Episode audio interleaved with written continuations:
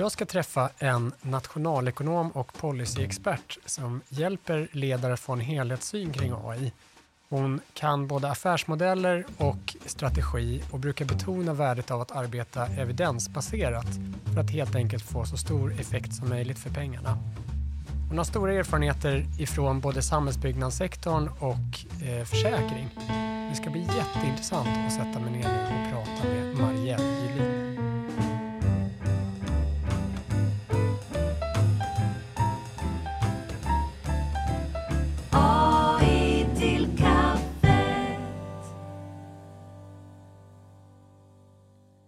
Kära lyssnare, varmt välkomna till en AI till kaffet. Jag heter Marcus Weiland och med mig idag har jag Marielle Julin. Välkommen!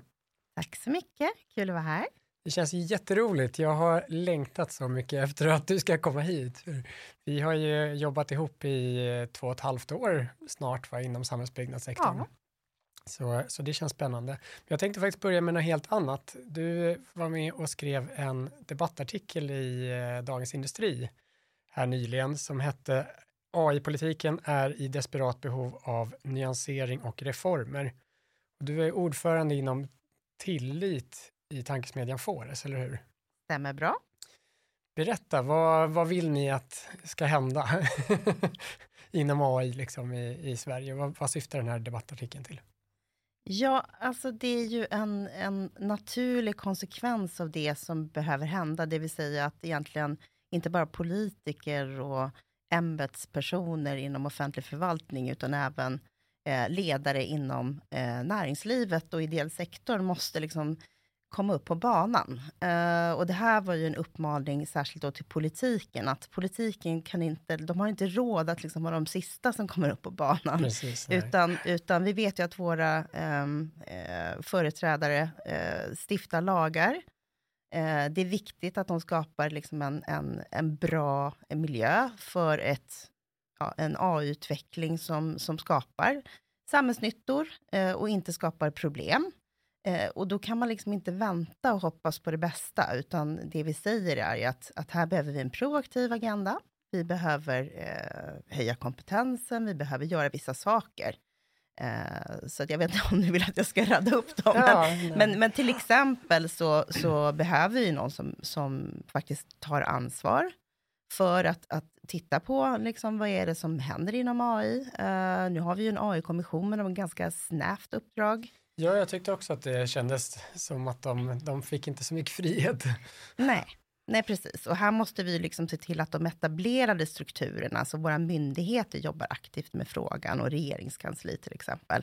Och det saknas ju idag. Mm. Uh, egentligen skulle man ju vilja ha någon typ av av eh, översyn från liksom, statsrådsberedning. Det är en så pass viktig fråga, eh, apropå den liksom, EU-lagstiftning som snart Mm, precis, eh, danar. Eh, och vårt medskick här är ju liksom att, att eh, vet man inte själv vad man vill och skapa strukturer för att följa upp och, och liksom egentligen påverka utvecklingen, då sitter man liksom i eh, andras båtar, det vill säga EU-lagstiftarna Ja. eh, och Big Tech som har sin egen agenda i det här såklart. Mm. Så mer proaktivitet från svenska politiker Ja. inom AI. Ja, och jag vill bara säga att det är ju ingenting nytt. Alltså, Nej. OECD har ju sagt i, i åratal att man liksom saknar strategiskt ledars, ledarskap inom svensk offentlig förvaltning i de här frågorna. Så att eh, vi bara trycker på. Ja, men det är bra. Alla röster för. Ja. Välkomna. Mm. Eh, vi har ju som jag nämnde jobbat länge ihop med eh, AI inom eh, samhällsbyggnadssektorn. Och framförallt då genom det här projektet Kraftsamling AI i samhällsbyggandet. Vill du berätta om det, om det projektet? Hur kom det till och, och varför och vad, vad gjorde projektet? Absolut.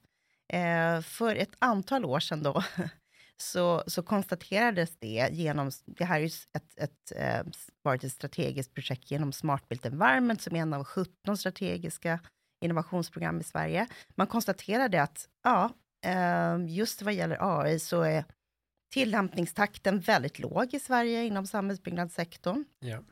Eh, att eh, det saknas kunskap, eh, både liksom möjliggörande kunskap och även teknisk kunskap.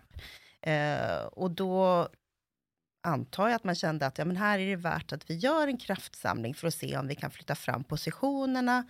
Eh, och då ville man ju såklart eh, dels höja kompetensen eftersom vi hade ett, ett, ett problem med det, men också se till att vi faktiskt kunde, kunde åstadkomma vissa nya tillämpningar för att demonstrera nyttorna eh, på bred front då med AI. Så det var ett, ett sånt typ av program som vi satte ihop då, eh, som skulle för, göra en förflyttning. Ja, vad är samhällsbyggnadssektorn och liksom hur definierar man den? Vil- Vilka är det som ingår i den? Ja, samhällsbyggnad, det är ju viktigt att, att förstå för den som inte är insatt att det här är en väldigt heterogen eh, Mm. sektor. Det, här ingår ju liksom samhällsplanering, eh, infrastruktur, det ingår liksom bygg, projektering och fastighetsförvaltning. Egentligen allt som rör eh, den fysiska byggda miljön kan man säga. Ja. Så det, och det är alla skeden också då? Alla liksom. skeden och- Planering, byggande, förvaltning, ja precis. Precis. Eh, vad, vad tycker du var de viktigaste lärdomarna från det här projektet? För det var ju ett ganska omfattande projekt och väldigt många som var med och sådär och du, du hade fullt upp på att samordna allt det här. Liksom. Vad, vad tog du med dig för några lärdomar? Det finns naturligtvis ofantligt många lärdomar från det här, eh, både högt och lågt. Eh, men om man ska försöka zooma ut lite och se, liksom, kan vi ta med oss några sådana stora lärdomar, så är det ju att, att det saknas ett systemperspektiv eh, inom den här sektorn. Att, att, eh, eftersom eh, i planeringsstadiet, så att säga, om vi har en, en bra BIM-modell, en CAD-modell, så lever inte den nödvändigtvis vidare. Eh, vi eh, bygger in eh, och suboptimerar saker som till exempel energisystem, därför att sen sitter vi då i liksom förvaltningsfasen med eh, fastighetsägare som har små lådor där man sitter med kanske machine learning och försöker energioptimera, men, men vi optimerar ju inte hela energisystemet. Det, det hade vi kunnat tänka på redan i planeringsfasen. Eh, och här tror jag att AI verkligen skulle kunna hjälpa oss att Just få det. den här systemsynen. Och det här med sammanhängande informationskedjor, som, alltså det här med CAD-modellerna och sådär, det är alltså så att i eh, eh, planeringsskedet så gör man ofta någon typ av 3D-modell av sin byggnad som sen kastas och sen, eh, eller man plattar ut den till platta ritningar och sen så bygger man och så kanske man då behöver skapa någon 3D-modell och då skapar man en ny 3D-modell liksom av, av byggnaden och sen när det går över till förvaltning så kastas det här en gång till och man har kanske lämnat över de platta ritningarna då en gång till och så bygger man kanske upp en ny sån här modell när man någon gång i framtiden vill ha en digital tvilling eller något sånt. Visst, visst är det lite så det går till? Ja, tyvärr är det så. Sen finns det ju jättefina exempel på att det inte är så. Men, men så att säga, eh, visionen som vi hade i den här kraftsamlingen var ju att, ja men tänk om vi liksom redan, eh, om vi kunde ha liksom en digital tvilling som lever vidare och Mm. sen liksom är nyckelklar när vi kommer till förvaltningsskedet. Eh, och det finns ju sådana som jobbar med det. Eh, men, men man kan ju ta det ännu längre. Alltså med hjälp av blockchain så skulle man liksom hela tiden kunna känna av när det saker och ting är byggda, man skulle kunna släppa betalningar etc. Så det finns, ja, jag tror att här, en utmaning i alla sektorer, det är ju att fantasin sätter gränser. Mm. Och också det sättet som i samhällsbyggnad till exempel, att man har många som eh, fakturerar på tid. Eh, det gör att man är inlåsta i vissa liksom, affärsmodeller. Eh, och här behöver vi någon slags disruption för hela, liksom, måste ha ett helhetsgrepp för att vi ska Mm. komma vidare.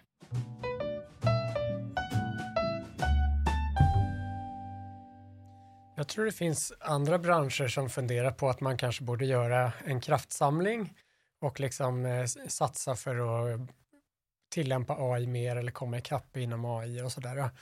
Um, har du några tips? Liksom? Det, det fanns några olika delar inom kraftsamling AI. Det är någonting man kan kopiera det. Jag tänker på genomförande ehm, stödet och liksom de här, de här olika delarna, eller hur?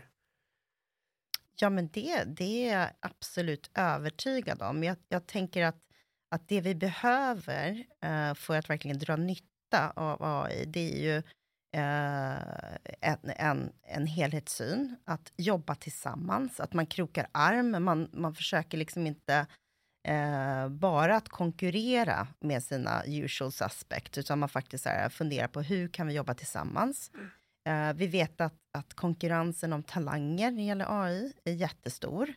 Eh, det är få som, som har den typen av arbetsmiljö som är nog attraktiv för att liksom attrahera den tekniska kunskapen. Ja, men då måste man tänka om och jobba ekosystem och knyta till sig de bästa. Men det kanske inte är eh, på ett sätt att de ska jobba hos en, utan man kanske har avtal med eh, externer Mm. i det här ekosystemet, där man liksom får den tekniska kunskapen. Men jag tror den absolut viktigaste kunskap som man behöver tillförskaffa sig, det är ju en möjliggörande kompetens. Egentligen hos medarbetare och ledare. Ehm, sen så tror jag att initiativ som kraftsamling är bra. Jag tänker att inom privat sektor så har du ju eh, ett jättebra exempel i Wallenbergsfären med, med Combient, som Ja. jag tycker är är föredömligt.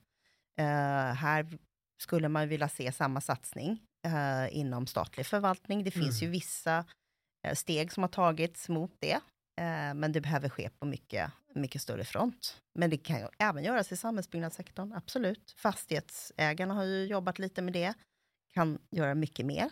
Mm. Ja, men spännande. Vad, vad är det som är särskilt utmanande med att använda AI inom samhällsbyggnad? Då, tycker du? Finns det några speciella förutsättningar som gör det svårare eller, eller så? Vad, vad är de unika utmaningarna för branschen?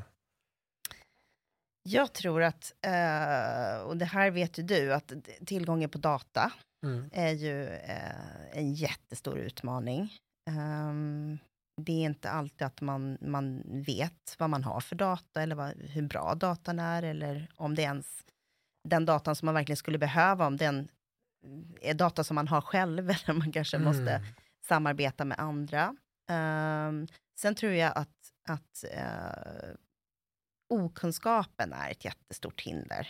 Därför att eh, många av de här liksom affärsmodellerna som finns inom sams- samhällsbyggnad, det är, de är långsiktiga. Eh, det är ganska stora affärer, om du tänker fastighet och du tänker bygg. Eh, vissa projekt kan vara väldigt stora. Mm.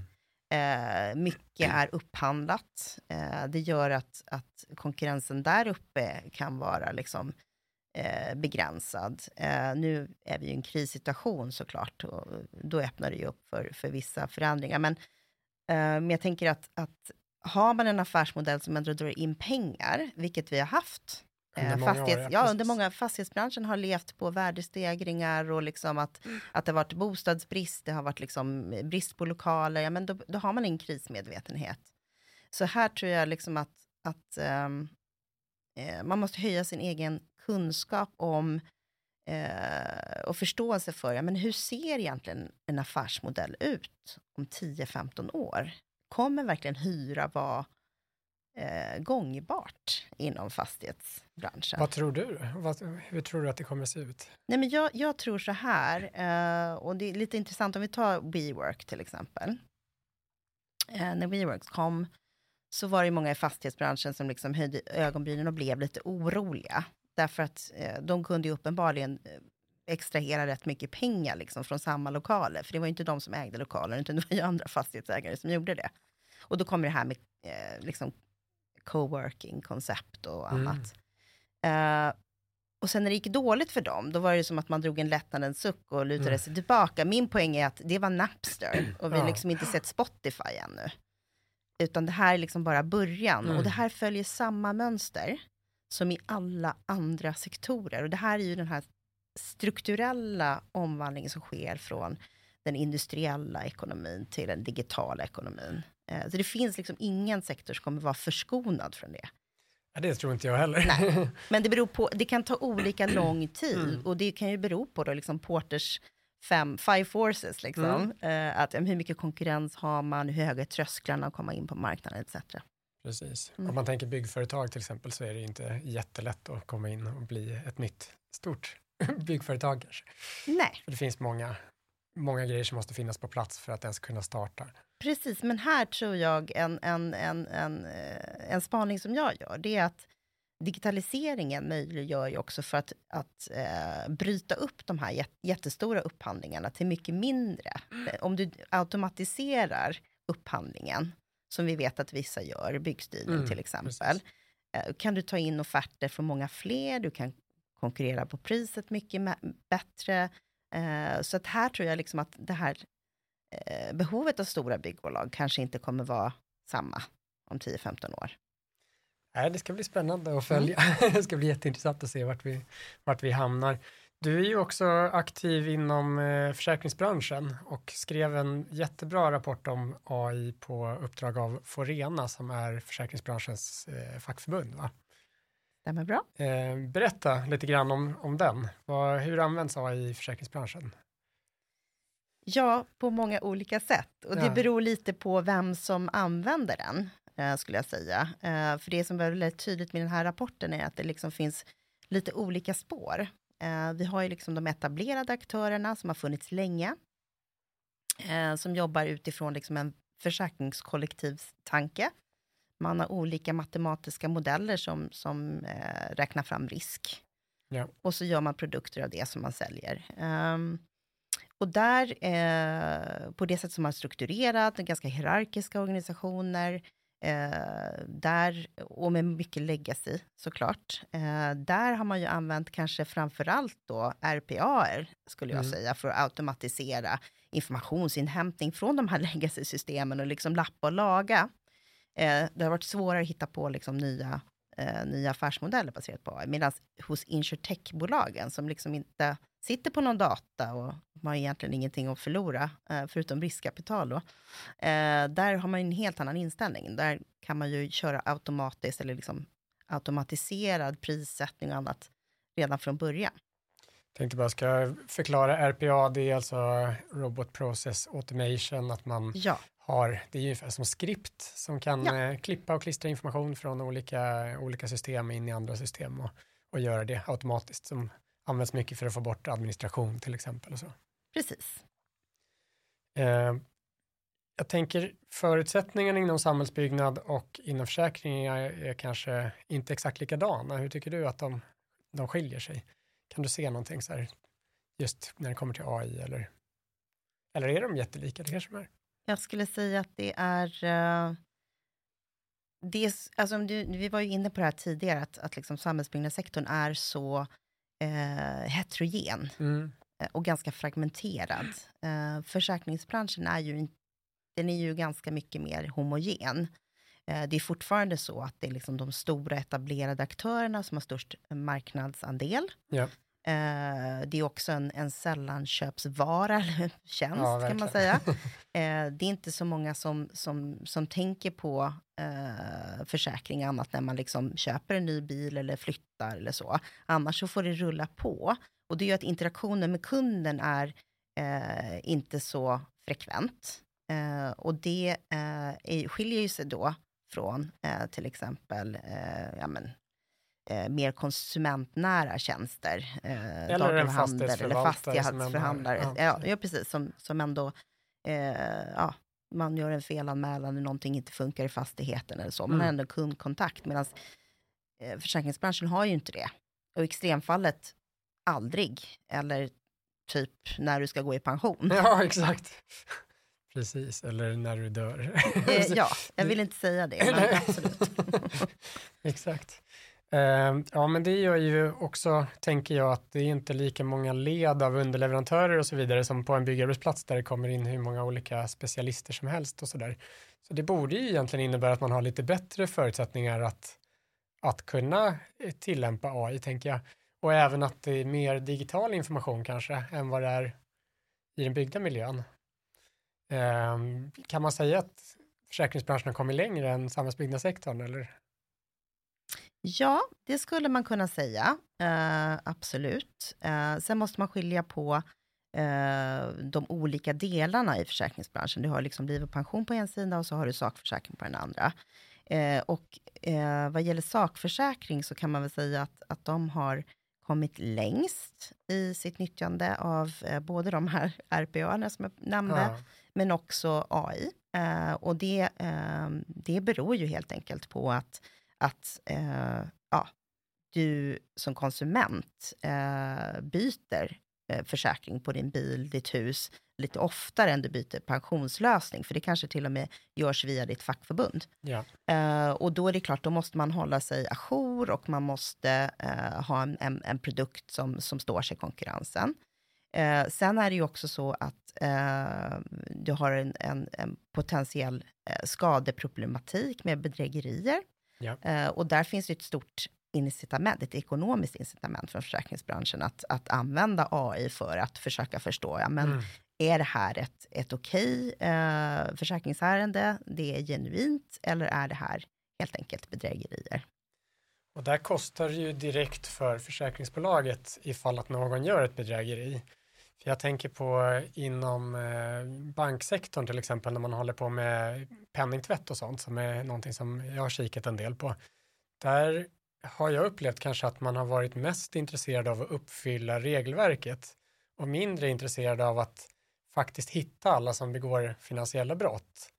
För att eh, ja, på något sätt så har det skadan varit för liten liksom för banken när någon har begått någon typ av brott och för att det ska vara värt, utan man vill mer säkerställa att ja, men vi har följt regelverket. Nu tror jag att det där håller på att förändras inom banksektorn också, men, men i försäkring så drabbas de ju direkt, tänker jag, av ett bedrägeri. Det finns inget, inget skydd liksom och det, är, och det är också en ganska stor kostnad för dem, inte sant? Ja, men absolut. Sen är de ju eh, väldigt försiktiga med att dela just information. Jag gjorde den här rapporten så var väl det området där man liksom ville prata minst om hur man jobbar med Mm, AI, eh, av förklarliga skäl. Ja, man vill inte tala om för alla hur, Eh, nej, men precis, hur så här ska ni göra. Nej. Ja, nej, men precis. Men, men det finns ju, det finns, du har en poäng med det här med compliance, för att eh, precis som bank eh, så har ju försäkring liksom ett, ett ganska stort regelverk som man behöver förhålla sig till, eh, som man har byggt upp under många år. Eh, och det här är ju, utgör ju faktiskt lite av ett hot för den här liksom, potentialen för att, att innovera Mm, eh, och transformera eh, affärsmodellen. Därför att såklart compliance-avdelningen har ett stort eh, inflytande Mm. i organisationen. Eh, I vissa fall, några kanske skulle säga att de till och med bestämmer. Ja, det. Eh, Exakt. men, men jag ska låta det vara osagt. Men, men, men om du tänker i eh, hur det ser ut liksom i en mer konsumentnära eh, sektor där, eh, ja, där man kanske har en digital affärsmodell där man liksom hela tiden har örat mot market och marken och man, man utvecklar liksom nya innovationer baserat på kundernas beteende och återkoppling. Ehm, så är det ju inte så i, inom försäkring, utan eh, jag skulle säga att där är det precis som i många liksom, analoga eh, ja, men, affärsmodeller som bildades i den analoga eran, så är det liksom kundtjänst kanske är den som har lägst status. Just det. Fast i ett, en, en digital affär så är det liksom, då är den Tvärtom, viktigast. Ja. Exakt, exakt. Det är där innovationen sker. Mm, det är intressant och det där är nog Mm. säkert ett jättehinder för att börja tillämpa AI, tänker jag. Ja.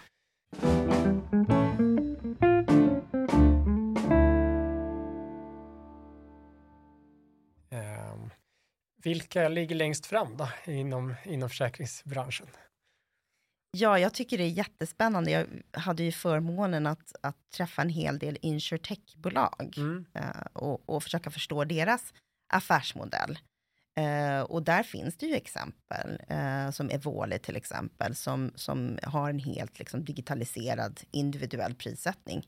Ja. Eh, och den baseras ju inte på de här hundra åren av, av data från försäkringskollektivet som, som de etablerade har, utan de kanske baserar det då på eh, Google Maps. Mm. Jag tror att de använder ungefär 900 olika indikatorer för att se liksom, ja, men, hur långt ifrån en bar bor du. Mm. Liksom det ger oss en viss eh, insikt i dina risker etc. Ja, och, Gud, och naturligtvis körkortsregister och annat eh, som de hela tiden förfinar och använder jämförande data också såklart på nätet och så. Eh, så det, det här är ju jättespännande att, att, att se att eh, det är ju en otrolig utmaning för Jag kommer ihåg idén. när, när Hedvig kom och att man kunde liksom så här ta en bild på något, chatta, få in pengarna på kontot direkt och så här. Det kändes ganska revolutionerande liksom för att vara försäkrad. Man tänkte så här, ja det tar, tar månader liksom innan man får, får betalt. Absolut, och det är ju, det är ju fler eh, på Hedvig som jobbar liksom med nya yrken eh, än kanske i ett traditionellt just det. eh, Så de har typ data scientists och den Ja, de behöver inte lika många skadereglerare eftersom allting är automatiserat såklart. Så Mm. de behöver mer människor som jobbar med UX-designers till ja, exempel. Precis, exakt. Ja. Samtidigt så tror jag att liksom, eh, typ en aktuarie till exempel, Mm. som har jobbat med statistik och andra saker, Mm. har väldigt goda förutsättningar att bli en bra data scientist. För man har egentligen samma grund stå på, så det är bara köra några enkla kurser på Coursera och sen är du data scientist. Absolut, och det, det finns ju aktuarier som använder olika typer av, av AI för att förfina sina modeller. Absolut, så är det. Eh, Bra. Finns det några bland de traditionella som du vill nämna som du tycker har kommit längre? Ja, alltså det finns ju, det finns ju, om man tar till exempel If då, de har ju jobbat jättemycket med eh, RPA eh, för att göra liksom sin, sin skadehantering och allting liksom så, så bra som möjligt. Eh, jag har väl inte sett att de har använt liksom AI i så stor utsträckning. Ehm, sen tycker jag exemplet Folksam var väldigt intressant, att man faktiskt gjorde en satsning för x antal år sedan, när man liksom ville utveckla ett, ett center of excellence med människor då med eh, super eh, liksom kompetens inom det här. Eh, men som sen liksom inte då fick fortsätta. Eh, de skälen vet ju inte jag, men det är intressant att se att de kanske, jag vet inte om de var lite för tidigt ute, Ja eh, att liksom organisationen inte riktigt var med, men det är intressant att se. Eh, sen försöker ju alla naturligtvis, Länsförsäkringar och andra, eh, försöker ju använda eh, de medel som finns. Men jag vet ju att de har liksom avtal med eh, AI-bolag, särskilt då på, på liksom, eh, skadesidan och det här med bedrägerier och så. Men det, problemet är ju att jag kan liksom inte ge en Nej, definitiv, definitivt svar på det eftersom man liksom är ganska hemlighetsfulla. Och det tycker jag är en utmaning inom försäkringen. Jag tycker att de, det men också ett utslag av att, att det är den gamla affärsmodellen från den industriella eran som är den som man jobbar enligt. Och då, utifrån det är det ju helt normalt. Det är inte transparens. Precis, man tänker mer konkurrens än Mm. samarbete. Ja. Eh, jag vill ju prata lite om ledarskap också. Vi har ju redan kommit in på det flera gånger här, men och du nämnde det här med Center of Excellence till exempel. Mm. Det är ju rätt många större organisationer nu som, som eh, väljer lite strategier. Hur ska man göra för att införa, eller för att bli bättre på att införa AI i organisationen och få större, större affärsnytta? Och en av de strategierna är ju att skapa någon slags grupp där man samlar ihop den bästa kompetensen man har. Man kanske plockar in lite konsulter och sådär, men man försöker skapa en kritisk massa som sen ska stötta resten av organisationen och det kallas ofta för ett center of excellence. Då. Är det här en eh, bra strategi tycker du? Jag tycker att det är, eh, när det gäller strategier, så är det vad som är bra eller inte beror ju på vad man är i sin digitala mognad. Ja, Eh, jag tycker inte att det finns en liksom one size fits all, utan jag tror att man måste göra en bedömning eh, faktiskt på utifrån eh, hur, var bolaget står och vad utmaningarna är för att verkligen veta, för det kanske faktiskt beroende på omständigheterna är mycket bättre att man eh, jobbar tillsammans med andra och har ett gemensamt center of excellence mm. Eh, eller att man eh, helt enkelt eh, skriver långsiktiga avtal med externer. Så jag, jag tycker att det är liksom... Nej, det finns inte ett svar Nej, på jag den frågan. tycker inte att det finns ett, ett, ett svar. Jag tycker också att, att man kan vara ganska naiv eh, ibland när man tror att det är lätt att skapa ett center of excellence. För det handlar om liksom att ja, då ska du ju mäkta med att attrahera den här arbetskraften som Mm. är eh, högrörlig, som flyttar sig över jorden. Det är liksom en jättestor konkurrens om talang. Varför skulle de vilja sitta i liksom en, säg en traditionell organisation eh, och känna att man inte blir lyssnad på, vilket då ofta händer. Mm. Eh, då blir det ganska kortvarigt. Så jag tror att ehm, kanske en ännu viktigare strategi att börja med, det är att, att försöka höja kompetensen hos alla sina ledare och medarbetare och fundera på eh, liksom, vad är möjligheterna med AI? Eh, hur, var står vi idag? Alltså vad är Mm. nuläget? Alltså hur, hur digitalt jobbar vi? För att är vi inte datadrivna kan vi inte egentligen jobba med AI. Precis, det är en otroligt viktig förutsättning för att, för att, eh, för att lyckas. Jag tycker några som, om man tittar på till exempel Hennes och Mauritz som har byggt upp, de började nog med väldigt många konsulter tror jag, alltså för att få den här kritiska massan, men sen har de lyckats göra en transformation och, och liksom fått folk anställda och byggt upp den här förmågan i, i bolaget. Så att Eh, utifrån i alla fall, jag har inte jobbat med dem direkt, men så ser det ut som att de har gjort en, en framgångsrik sån resa. Och det är väl en del av nyckeln är väl just det där, hur behåller man talang? För jag har ju sett det så många gånger också, att man så här plockar in någon, eh, eh man anställer en jätteduktig person eller två och sen blir de väldigt, väldigt ensamma och sen efter ett eller två år så ger de upp och så går de vidare eller blir egna konsulter eller någonting annat sånt där. För att det fanns inget sammanhang för dem. De kan ju vara hur kompetenta som helst men det blir, det blir väldigt tungt att jobba om man två personer ska försöka driva förändring liksom, i, ett, i ett stort bolag. Sådär. Ja, det är, det är ju mission impossible. Ja, exakt. Det är självmordsuppdrag. Absolut, liksom. absolut. Och sen, sen tror jag också det här att, att uh, ska man driva en en transformation som det här handlar om. Eh, för ingen kan ju göra det här utan att liksom ha en strategi. Då måste man liksom kombinera en, en top-down strategi där det, liksom det yttersta ledarskapet är helt committade till det här. Så att man, man ger utrymme och förutsättningar för den där typen av center of excellence. Och så måste man också se till att, att bottom-up, att man har liksom eh, man jobbar experimentellt och att liksom medarbetare och chef, chefer på lägre nivåer liksom vågar testa eh, att man har liksom budgetutrymme, man har tid att göra det. Och så får man liksom försöka mötas i mitten på något mm. sätt. Um, när jag är ute och träffar ledningsgrupper och sådär och frågar dem vad är det, ja, vilket område är det ni skulle behöva bli starkare på för att lyckas? Så är det såklart många som svarar data, att man har dålig datakvalitet och så, men det är också ganska många som svarar organisation. Vad, vad kan man tänka på liksom, hur, hur ska man tänka kring sin organisation tycker du? Vad, vad, vad, krävs det för förändringar för att lyckas med AI? Ja, alltså jag tror att man, man, man kan liksom inte styra på en jättestrikt budget eller jobba i siloformeringar eh, där liksom incitamenten för eh, linjechefer är att inte samarbeta över gränser. Eh, då har du liksom inga förutsättningar för att bedriva ett innovationsarbete eller ett förändringsarbete, utan här Eh, måste man liksom skapa de ekonomiska, tidsmässiga förutsättningarna så att, så att eh, du kan inte jobba hierarkiskt. Du måste jobba gränsöverskridande. Det där måste är ju svårt. Ja, fast det är, inte, det är svårt för många därför att man är liksom eh, skapad i den här liksom gamla tidens eh, ja, eh, industribolagsstruktur. Industri, ja, men alltså hierarkier eh, där liksom kunden är en eftertanke. Den finns, det är inte det man styr på, man kanske styr på eh, kvartalsrapporten.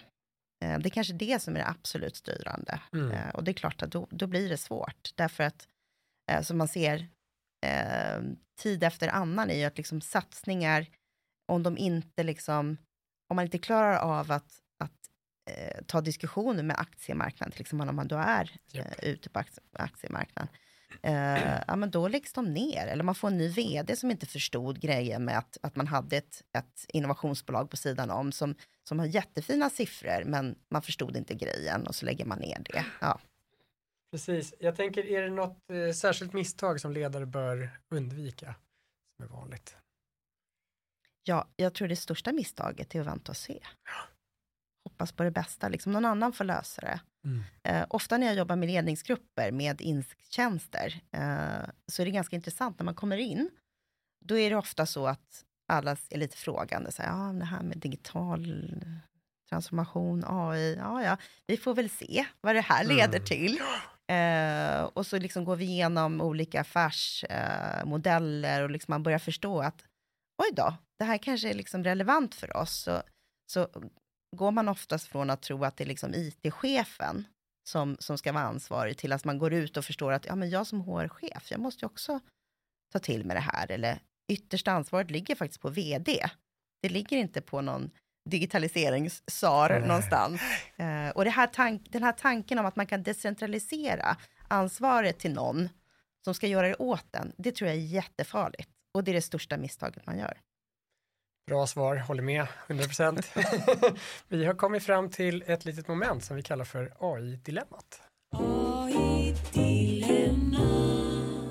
Du ska få öppna det här kuvertet och läsa upp vad du har hamnat i för situation. oh, spännande. Diagnos genom dialog. AI ger oss möjligheter att diagnostisera sjukdom Nya teknologier gör det lätt att avgöra om en person tillhör en riskgrupp utifrån en biomarkör. Till exempel finns möjligheten att låta AI diagnostisera diabetes med hjälp av en inspelning av patientens röst. Du sitter i styrelsen i ett försäkringsbolag som ser stor potential med denna teknik. En patient med god hälsa ska inte behöva betala dyra premier, säger vdn. Vilken linje vill du driva i styrelsen? Mm. Det var ju ett eh, spännande dilemma. nu ska jag ge någon typ av svar på det här. Precis. Ja. Jag tror att ehm, någonstans eh, så, vi har ju lagstiftning som skyddar eh, enskilda individer eh, Ja. redan idag när det gäller liksom försäkring. Eh, vi får ju inte diskriminera till exempel mellan försäkringspremier för män och kvinnor. Nej. Eh, och här ligger det ju liksom en stor, eh, stor utmaning i att när man börjar med individuell prissättning, som nu jag har visat i den här rapporten att det Mm, sker, det om än i marginalen ska jag säga, eh, så, så kan man ju bakvägen förstå om det är eh, gubbar i keps eh, som är 55 som får en, en bra premie eller inte. Alltså Mm. det är inte rocket science eh, och det där har vi inga bra svar på idag, hur liksom, tillsynen för det här ser ut. Jag skulle säga att eh, det är en större fråga, eh, inte bara utifrån liksom etiskt perspektiv och liksom varje försäkringsbolag måste ha liksom en AI-strategi Ja. där man, där man eh, hanterar sin data, precis som man hanterar sin data idag. Och liksom vad är etiskt, vad är regelmässigt och inte. Men det finns vissa gap i det här. Sen den stora frågan handlar ju om i försäkringsbranschen, är det liksom försäkringskollektivstanken som vi ska följa eller hur öppnar vi upp för individuell prissättning? Mm. Ehm, Och hur ska man tänka då? Om man sitter i, liksom, i den här skarpa situationen i, mm. och funderar då, ska, vilken väg vill man gå försäkringsbolag? Vad, vilken väg är bäst att gå så att säga? För att visst, man måste förhålla sig till de Mm. regler som finns, men jag tänker på det här exemplet som du nämnde tidigare Mm. med att du kan se, bor du i närheten av en pub, liksom. Ja.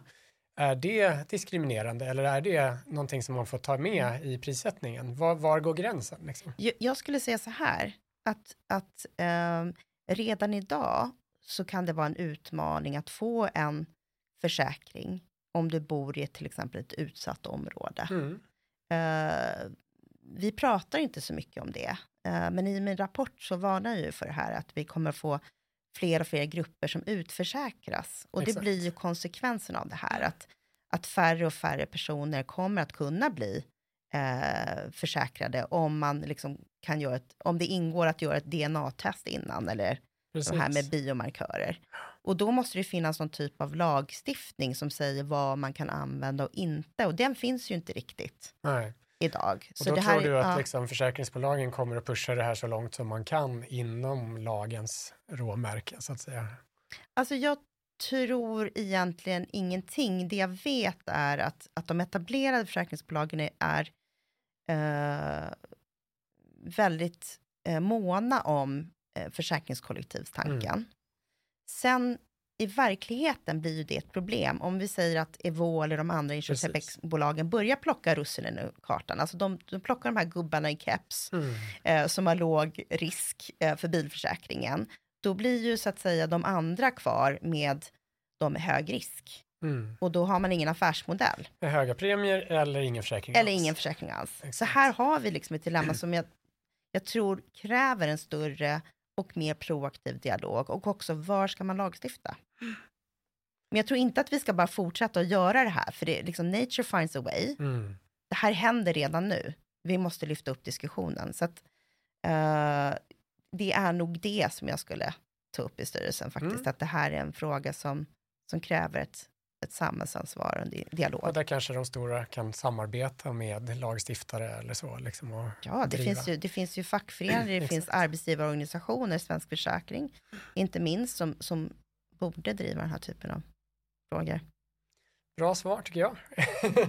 Tack för den. Jag tänker att vi närmar oss slutet och jag skulle egentligen bara vilja, i och med att du är specialist på policy och så, ser du någonting när det gäller eh, lagar och regleringar och så inom AI som du önskar för, för liksom hur, ja, hur vi säkerställer att vi får en bra framtid med AI egentligen utifrån det här policyperspektivet?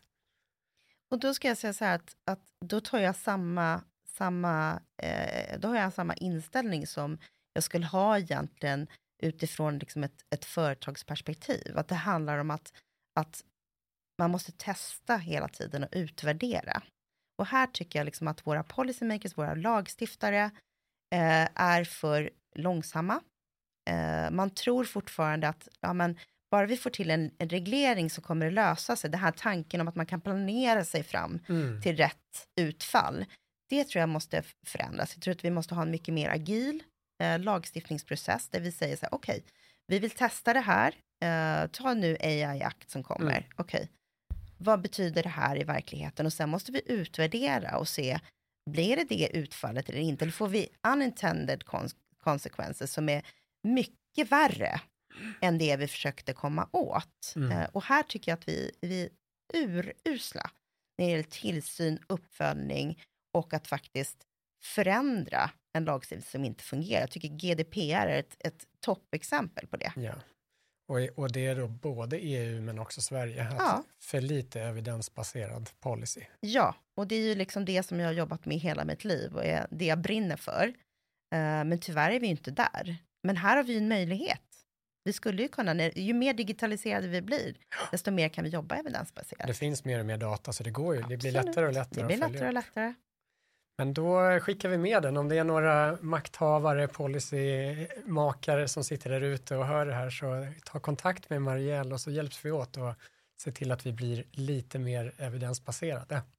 Låter bra. Ja, stort ja. tack för att du har kommit hit. Tack själv. Eh, tack också till alla som har lyssnat. Om ni har feedback eller tips på gäster eller andra tankar får ni gärna dela dem med oss på vårt Instagramkonto som heter NAI till kaffet. Tack så mycket, vi hörs.